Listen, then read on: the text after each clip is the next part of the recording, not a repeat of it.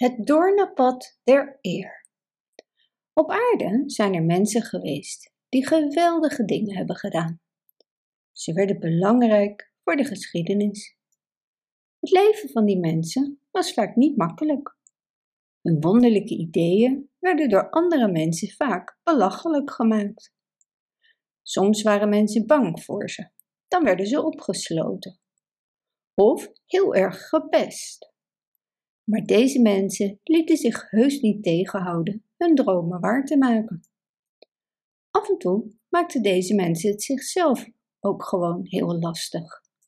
Je kunt niet altijd anderen de schuld van je ellende geven. Laten we eerlijk zijn. Soms ligt dat ook voor een deel aan jezelf. De geschiedenis is als een toverlantaarn. Het werpt licht op hoe dappere mensen hun leven opofferden voor iets waar zij enorm in geloofden. De geschiedenis laat ons beelden zien van het leven van deze mensen. Hoe zij leefden met hun persoonlijke overwinningen, maar ook met verliezen en strijd. Pas na hun dood werd duidelijk hoeveel ze betekenen voor onze geschiedenis. Het geeft ze de roem die ze verdienen. Niet tijdens het leven, maar lange tijd daarna voor altijd en in eeuwigheid. Socrates was een wijze man. Hij hield ontzettend veel van praten. Hij stelde ook veel vragen.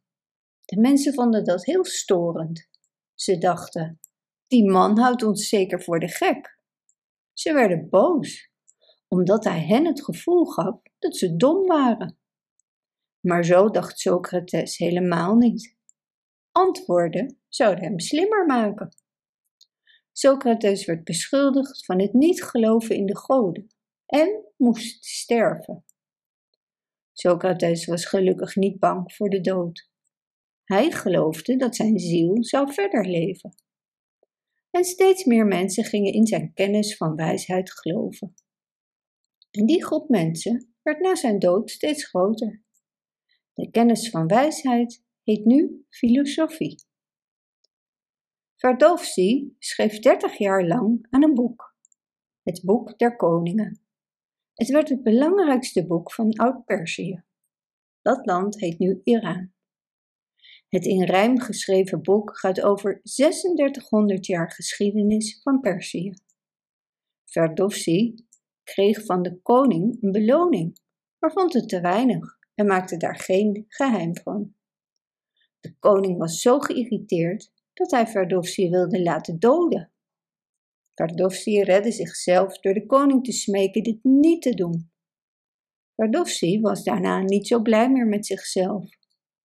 Wel mag hij trots zijn dat we zijn naam nu, duizend jaar later, nog kennen. Dat heeft hij toch maar mooi bereikt met het boek. Je bent gek, riep de minister van de Franse koning toen Salomon de Kous zijn hulp vroeg. Die hulp was nodig voor het doen van proeven voor zijn uitvinding. Met stoom zou hij machines in beweging zetten. De arme man stierf in het gekkenhuis, maar die stoommachine, die kwam er uiteindelijk wel. De Franse heldin Jeanne d'Arc was een dappere jonge vrouw. Ze vocht in de oorlog voor de Franse koning. Haar leven eindigde spijtig op de brandstapel.